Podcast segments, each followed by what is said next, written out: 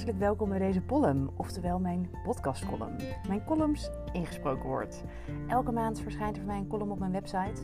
Of misschien als je lid bent van mijn nieuwsbrief, krijg je hem heerlijk elke maand gewoon in je inbox. Maar voor degenen die niet graag lezen, maar wel heel erg graag luisteren, deze column. Geniet ervan. De naam die ik het leukst vind, vindt hij niet super. En de naam die hij het leukst vindt, vind ik niet super, zei mijn vriendin aan de telefoon. Ze was al een tijd in verwachting en het namendilemma was om de hoek komen kijken. Ah joh, wat kan jou het schelen wat voor naam je geeft, zei ik. Kijk naar onze namen. Jij heet C, ik heet M. Die namen zou je ook je eigen kind niet geven. En met ons is het ook goed gekomen, toch? Of kijk naar de naam van onze lovers. Ook niet om over naar huis te schrijven. En hebben ze er last van gehad? Nee, dus noem je kind gewoon Geer of zo. Komt helemaal goed. Tot aan de geboorte hebben we haar baby dus Geer genoemd.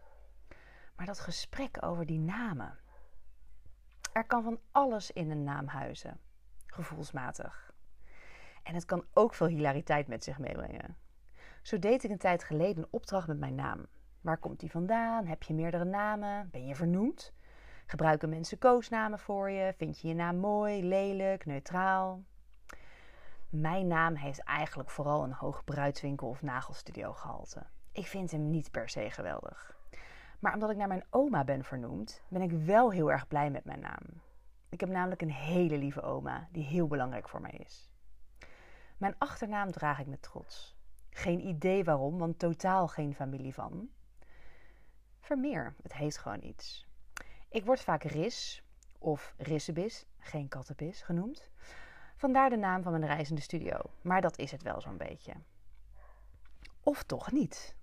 Ik kwam er een paar jaar geleden achter dat mijn vader mij graag Chiquita had willen noemen. Mam, geweldig! Dat hadden jullie moeten doen, schreeuwde ik uit. Ik deelde deze info met een vriend in de kroeg. Hij vond het ook eeuwig zonde dat ik niet Chiquita heette. Jarenlang kreeg ik hilarische foto's van hem toegestuurd. Van een Chiquita bananenfiets die hij had zien rijden. Of een foto van een krantenartikel met de kop kilo's bananen aangespoeld op Ameland. Met de tekst: Hé, hey, je staat in de krant. Je bent aangespoeld op Ameland. Totdat ik ontdekte dat mijn vader mij helemaal geen Chiquita had willen noemen, maar Nikita. In de tijd dat mijn moeder het verhaal vertelde, was ik half doof door een enorm gat in mijn trommelvlies. Grote delen van gesprekken ving ik verkeerd op. Zo ook mijn naamverhaal. Het bracht een eind aan alle hilarische bananengrappen. Jammer. Ik had echt best Chiquita willen heten. Of Nikita. Nikita Vermeer. Klinkt hartstikke leuk, toch? Maar ik ben blij met mijn namen. De vernoeming naar mijn oma. Voor altijd verbonden met een van de liefste vrouwen op deze wereld. Bedankt voor het luisteren naar deze column. Mocht je nou de column elke maand in je inbox willen ontvangen, dan kan dat natuurlijk. Dat kan door naar www.yogastudioris.com te gaan en je e-mailadres erachter te laten. Je kunt me ook volgen op Instagram en Facebook. Dat kan via Yoga Studio Ris en via Studio Ris de Tiny Shop. Ik wens je nog een hele fijne dag.